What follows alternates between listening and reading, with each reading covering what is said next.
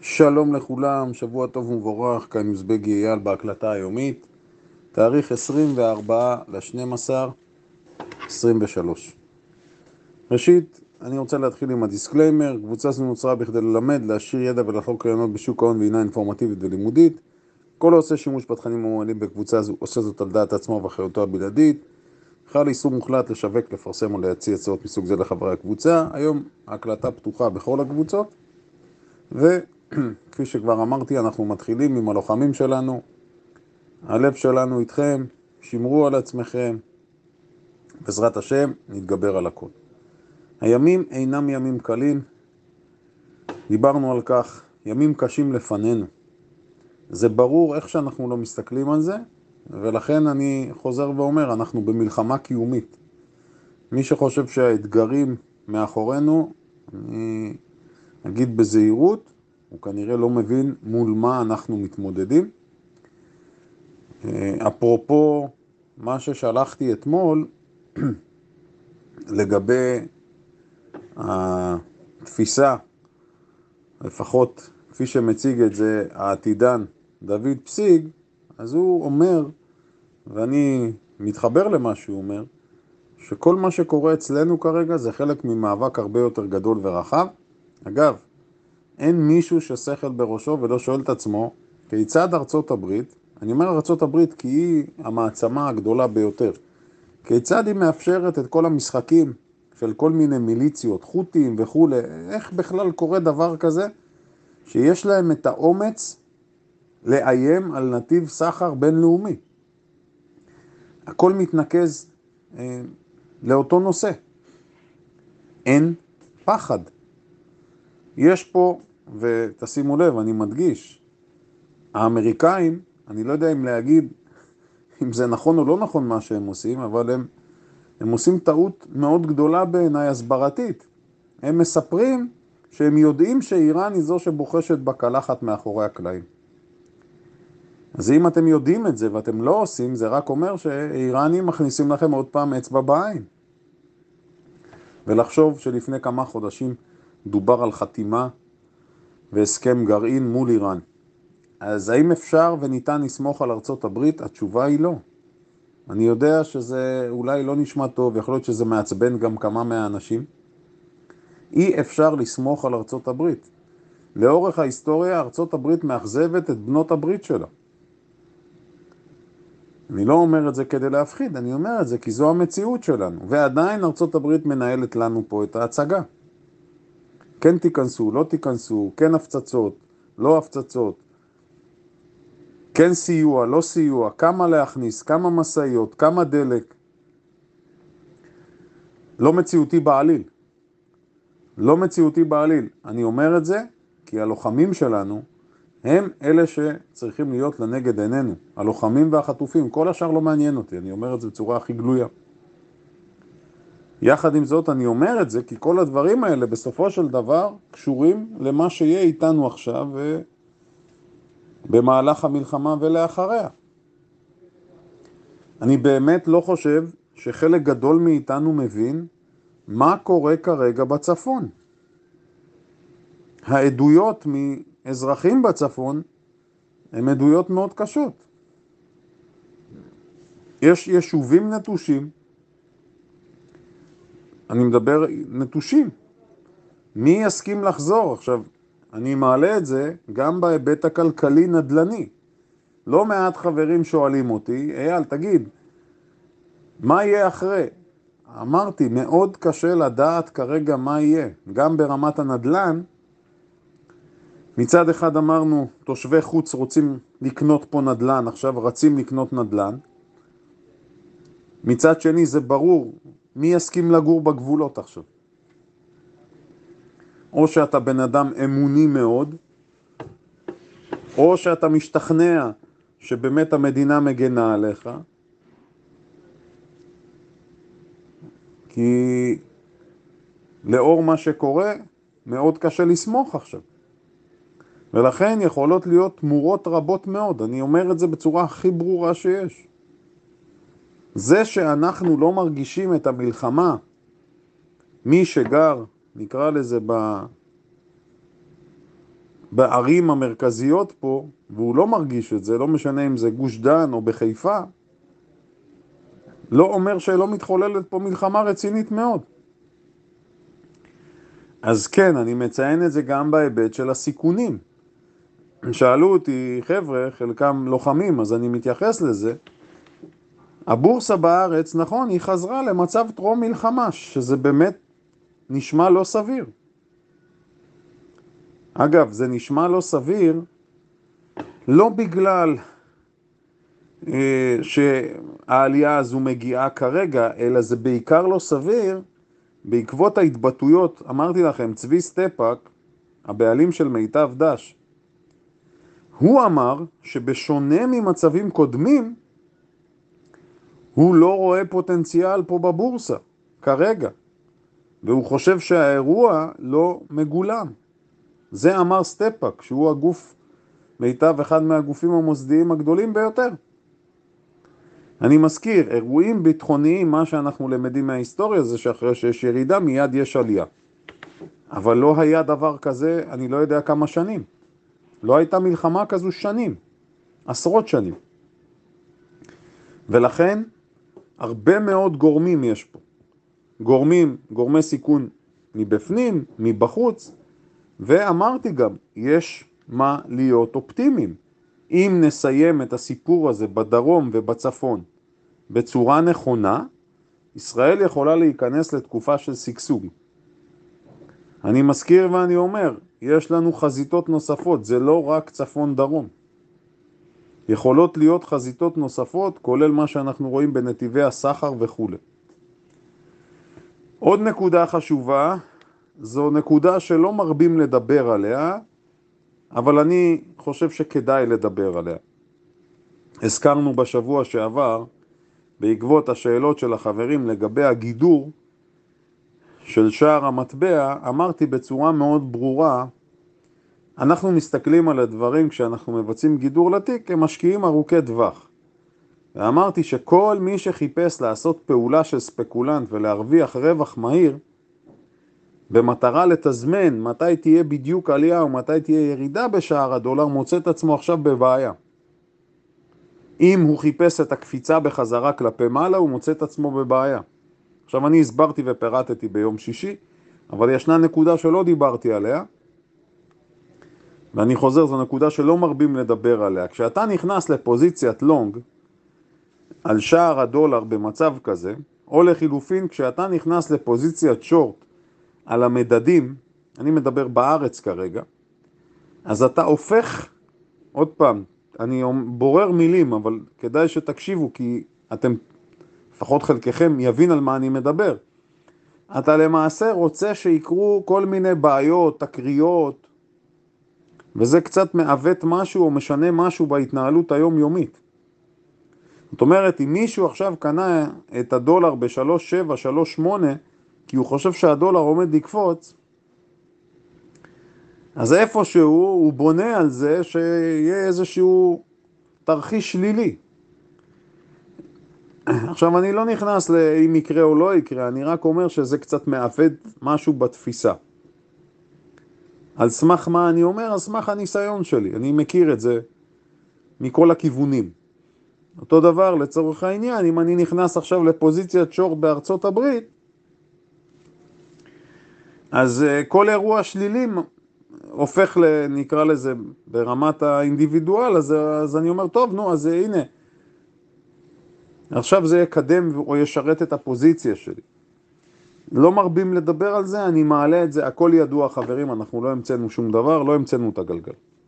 תדעו. אבל להיות במשך זמן בפוזיציה כזו וכל הזמן לרצות שיקרו אירועים שליליים, גם בזה יש איזושהי בעייתיות בעיניי, כי זה קצת משבש את הראש. כן, לא מדברים על הדברים האלה, אנחנו מרשים לעצמנו לדבר בצורה הנכונה. ובגישה הנכונה. הלאה. הרבה אה, מניות, סיפורי מניות מעניינות, מעניינים, סליחה, אנחנו נקרא סוף השנה, כולם עושים חישובים. האמת שהכנתי רשימת נושאים מאוד ארוכה. אני רוצה להתחיל דווקא מכמה חשבונות פתוחים שיש לנו. ביום שישי נייק דיווחה. אמרנו הדיווח של נייק מאוד קשור לדיווח של פדקס, פדקס ירדה דו ספרתי, נייק יורדת דו ספרתי, ואמרנו שנעקוב האם המתחרות של נייק תיפגענה באותה צורה, אז נייק סיימה מינוס 12 אחוז, לולו למון סיימה בגבוה היומי שלה, שזה גבוה כל הזמנים. מי ששם לב יכול לראות שלולו למון כבר שווי שוק 65 מיליארד. אז אחת המניות שאנחנו הכי אוהבים, במהלך מדהים. עכשיו, תקשיבו, נייק שווי השוק של ה-180, 190 מיליארד, לולו למון כבר 65 מיליארד.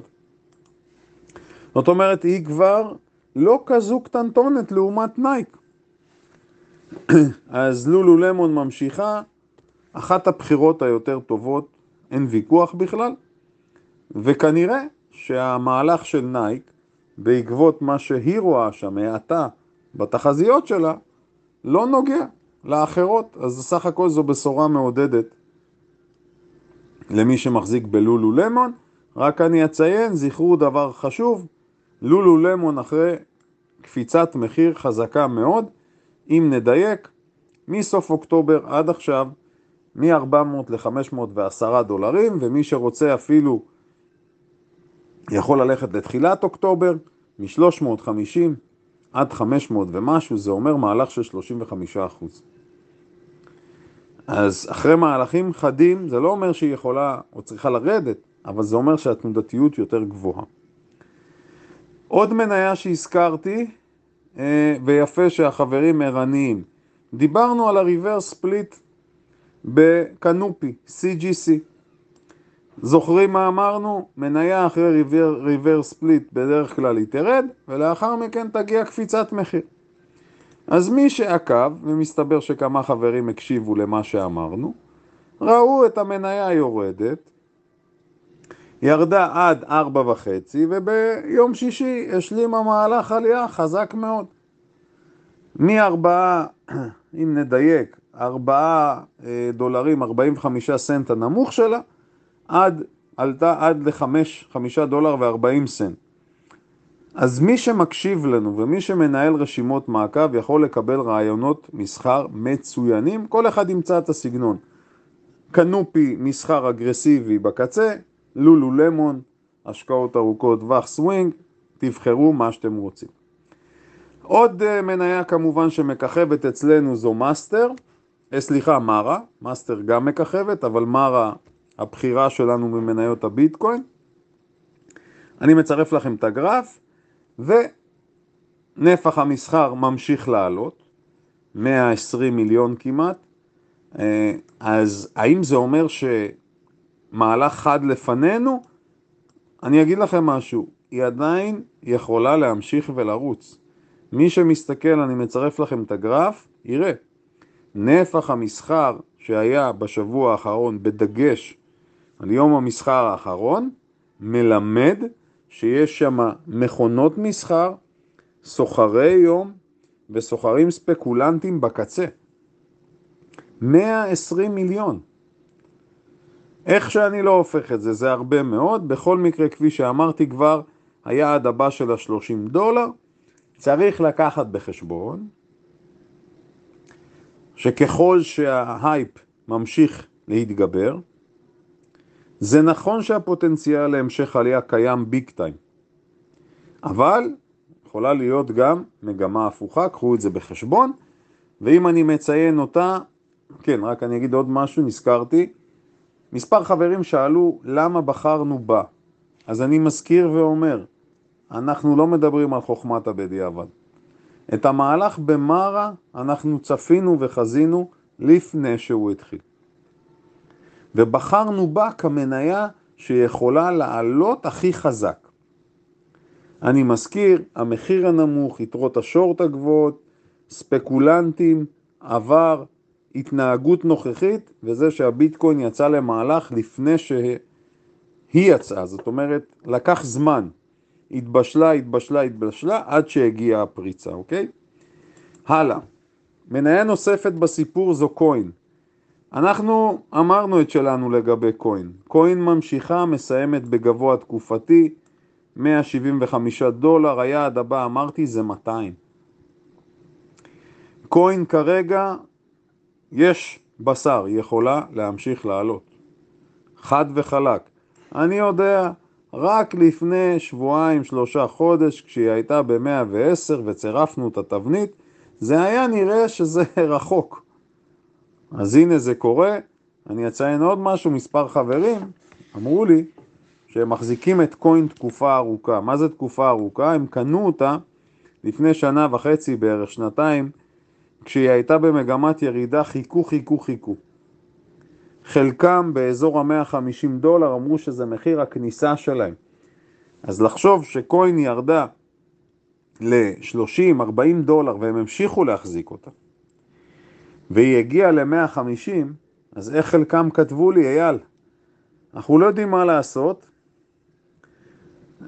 כי אנחנו נמצאים במה שנקרא כבר תקופה ארוכה מאוד, זה בכלל לא מה שתכננו. אבל עכשיו כשהיא הגיעה למחיר הכניסה, האם זה נכון לצאת? עניתי להם, כי עיקרון זה לא נכון לצאת, כי זה לא מעניין אותנו באיזה מחיר נכנסנו. מעניין אותנו האם היינו נכנסים עכשיו למניה. היות וחלקם היו תשושים, אני קורא לזה תשושים ברמה רגשית, נפשית, מהעסקה כבר, אמרתי להם, תראו, לאור מה שאתם אומרים ואיך שאתם אה, מביאים לידי ביטוי את הרגשות שלכם והתחושות שלכם, יכול להיות שאתם צריכים פשוט לשכוח ממנה ולעזוב אותה. לסיים את העסקה וללמוד מזה את הלקח. כי חלקם אמרו, אבל היה לי, עלתה כבר 200, 300, 400 אחוז מה... מהנמוך שלה, אנחנו... זה נראה לנו מוגזם. אמרתי להם, מה שנראה לכם לא רלוונטי כרגע, אוקיי? אז אני חושב ש-200, ואפילו היא יכולה לעלות יותר מ-200. נזכיר עוד דבר, אמרו חברי הקבוצה ובצדק שמתעסקים בביטקוין, נדמה לי שזה היה ויקטור, דיבר על כך שאנחנו לקראת אירוע חצייה נוסף. אתם יודעים, הביטקוין כל כמה זמן, הזמן הקריאה שלו, או אם נגדיר את זה, התופעה שנקראת הלווינג, זמן הקריאה של הביטקוין, אתה קורא פחות ביטקוין באותו פרק זמן, וכל פעם יש חצייה. אז אחד החברים, ודור נתן לנו גם את התאריך המדויק שזה עומד לקרות עוד מאה ומשהו יום, ב-24, בשנת 24, אז אחד החברים העלה את זה, והוא אמר שיכול להיות שהתהליך הזה יפגע במניות הביטקוין. כי כתוצאה מזה שהן מניות קריאה, אז עכשיו ייקח להם יותר זמן לקרות ביטקוין, אז רק אמרתי שביחד עם זה צריך לזכור שיש פה גם עניין חיובי עבור חלק, לפחות ממשקיעי מחזיקי הביטקוין, הם טוענים שאירוע החצייה הופך את הביטקוין לנדיר יותר. אני מזכיר, יש בסופו של דבר כמות מטבעות מוגבלת. אז כל אחד שיחשוב מה שהוא רוצה, אבל זה בהחלט משהו שיכול לתרום, תוסיפו לזה את האישור הרגולטורי, כן או לא, כנראה שכן יהיה ל-ETFים, שאנחנו נקבל אותו במהלך חודש ינואר, אז ברור שההייפ ממשיך, אוקיי? ולזכור שקוין שונה לגמרי ממרה, וקוין נהנית גם מהבעיות שיש בבייננס כרגע, אז אנחנו בהחלט נמשיך אה, ללוות את המניות הללו והן ממשיכות לרכז עניין רב. עוד נקודה מעניינת, שימו לב מה קורה באינטל כרגע. אינטל מניה חבוטה מאוד, נכנסה למומנטום חיובי, במהלך חזק, פורצת גבוה ולמעשה מגיעה ל-48 דולרים. גם כאן נזכיר, המהלך נראה כמעט מעולם אחר, היא מתנהגת כמו מניה ספקולטיבית מסוף אוקטובר, שהיא נסחרה מתחת ל-32.5 דולר, עד עכשיו, המניה עולה 50 אחוז. אה, דיברנו על זה תוך כדי עלייה, שמבחינת מומנטום לסווינג, המהלך באמת יכול להמשיך, אז זה עבד לפי הספר, וכן, אינטל היא לא מניה שמתאימה להשקעות טווח ארוך לפי הפרמטרים שלנו, אני מדגיש את זה. אלא מסחר סווינג, מסחר מומנטום, כרגע זה נראה שה-50 דולר זו רמת המבחן המשמעותית הבאה שלה, ברכות למי שנמצא שם. אגב, בתור סוחר סווינג, לא הייתי מתעקש פה יותר מדי ומחכה לחמישים, הייתי שוקל לממש כבר עכשיו, כי המהלך שהיא עשתה הוא חד מאוד. ובתור משקיע ארוך טווח לא הייתי מחזיק אותה, כמובן מי שבחר להחזיק עניין שלו. עוד נקודה מאוד מעניינת, מספר חברים אמרו לי, יאללה, אנחנו מחפשים טכניקות מסחר פשוטות. אמרתי להם, אוקיי, עכשיו, אתם יודעים, יש לנו טכניקות מסחר להנפקות, טכניקות מסחר לאחוז שורטים, לריברס ספליט, לספליט, יש הרבה טכניקות. לגפים, למניות חבוטות, למניות צמיחה, למניות אגרסיביות יותר ופחות. אז הפעם אני רוצה לדבר על נקודה יפה. מניות שביצעו ספליטים, לא ריברס ספליטים, כלומר לא מניה שמאחדת מניות, אלא חברה שמחליטה לפצל מניות. אז יש לנו שלוש גורילות, ואני מעלה את זה כי אחד החברים זרק לי את זה בשיחה פרטית, ואמרתי לו, תשמע, התוצאות הן לא בדיוק זהות. אז שלוש מניות שעברו ריברס ספליט. בואו נתחיל ככה ברשותכם. יש לנו את, אני מדבר על הגורילות, כן? יש לנו את, את NVDA. NVDA ביצעה ספליט בחודש יולי 21, כשהמחיר שלה היה 200 דולרים. מה אפשר לראות? אני מצרף לכם את הגרף. אחרי הספליט, המחיר שלה באמת עלה. היא עלתה לאזור ה-350 דולרים, ירדה לאזור ה-100-110, ועכשיו נמצאת כמעט ב-500. אז אם אני מסתכל ביחס לאירוע הספליט, שהיא נסחרה באזור ה-210 דולר, אז היא עלתה 150 אחוז, שזה יפה מאוד, מכובד לכל הדעות. הלאה. עוד אחת שעשתה את זה זו אפל. גם אפל עברה ספליט, אפשר לראות במקרה של אפל, אנחנו מדברים על שנת 2020, לקראת סוף השנה, היא נסחרה באזור ה-130 דולר, כרגע היא נסחרת ב-193, כמעט 200. גם כאן אפשר להגיד עלייה של אני אומר כאן במקרה הזה עלייה של בערך 50 אחוז, זאת אומרת גם פה זה עבד. עוד חברה שעשתה את זה זו גוגל שלנו. אנחנו מסתכלים במקרה של גוגל, הספליט שלה היה לפני שנה וקצת ביולי 22 אה, ואנחנו רואים, היא עלתה, אבל היא לא זזה יותר מדי, הספליט היה באזור ה-120 דולרים וכרגע היא נסחרת ב-140 ומשהו, אגב גוגל כנראה הולכת לקראת שיא כל הזמנים. אז כמובן כשאנחנו משווים אנחנו צריכים להשוות את התוצאות למה שעושות המניות האחרות, החברות האחרות בסקטור וצריך להשוות למה שקרה בשוק. אבל ככלל אנחנו רואים שלוש מניות שעשו את זה, אנחנו רואים את התוצאות שלהם, אז כל אחד שישפוט.